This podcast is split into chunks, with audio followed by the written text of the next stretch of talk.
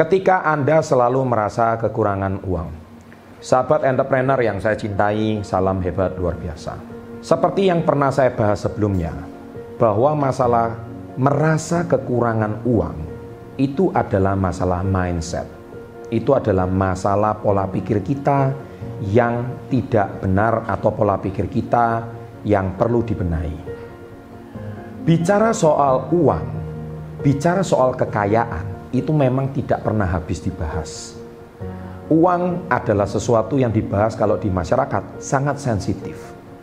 Begitu masyarakat kita mendewa-dewakan orang yang punya uang, dan begitu masyarakat kita seperti tidak menganggap orang yang tidak punya uang.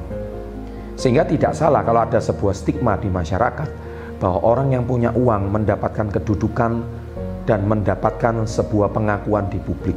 Sahabat entrepreneur yang saya cintai, statement itu memang tidak salah.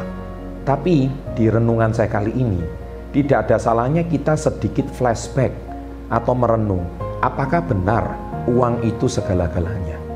Apakah benar uang yang banyak itu segala-galanya? Mengapa masih ada orang yang dulunya tidak punya pekerjaan, sekarang sudah punya pekerjaan? Mengapa yang dulunya tidak punya uang, dan sekarang sudah punya uang, tapi selalu punya rasa kekurangan. Selalu merasa kurang dibandingkan orang lain. Selalu merasa tidak cukup dibandingkan orang lain. Melalui video kali ini, saya akan menggedor cara berpikir Anda. Dari manakah muncul rasa kekurangan itu? Ketika dulu gajimu satu juta, Anda selalu merasa tidak cukup. Ketika gajimu dinaikkan 3 juta, Anda juga merasa tidak cukup Ketika gajimu naik ke 7 juta, Anda juga masih merasa tidak cukup. Bahkan ketika gaji Anda 50 juta sekalipun, Anda juga merasa tidak cukup. Cek punya cek, ternyata setiap hari Anda mungkin melihat akun sosmed orang lain. Anda selalu mengkompar diri Anda dengan tetangga-tetangga Anda. Ketika sekarang Anda sudah punya kehidupan yang jauh lebih baik, Anda pun merasa diri Anda kecil dibanding tetangga Anda yang baru. Kalau dulu mungkin Anda tinggal di kampung, Anda merasa yang paling kaya ketika Anda pindah di kota, tapi masih di level pinggiran, Anda merasa diri Anda kecil dibandingkan tetangga-tetangga Anda. Ketika Anda diberikan rezeki berlebih, dan Anda hari ini pindah di lingkungan yang lebih baik, Anda juga masih merasa kecil dibanding tetangga-tetangga Anda yang baru. Ketika gaji Anda 7 juta, Anda merasa kecil dibandingkan orang yang punya kekayaan ratusan juta. Tapi ketika Anda sudah punya aset ratusan juta, Anda masih merasa kecil dibandingkan dengan orang yang punya aset miliaran. Ketika Anda dulu tidak punya mobil dan suatu hari Anda bisa membeli mobil Xenia, Anda tentu merasa kecil dibandingkan dengan orang yang punya mobil Mercedes-Benz. Sahabat entrepreneur yang saya cintai, ketika Anda merasa selalu kekurangan uang, berarti ada yang salah dengan mindset Anda, yaitu Anda selalu melihat ke atas. Ingat, Orang yang punya uang itu orang merasa cukup itu karena cuma dua hal, yaitu rasa cukup dan angka, yaitu angka dan rasa cukup. Jadi ketika Anda memiliki angka, yaitu Anda merasa cukup, maka angka itu adalah sebuah angka yang ketika Anda achieve, Anda sudah capai, Anda merasa cukup dengan angka itu sehingga Anda tidak lagi mengkompar dan membandingkan diri Anda dengan orang lain maupun tetangga-tetangga Anda. Yang kedua, yaitu di angka rasa.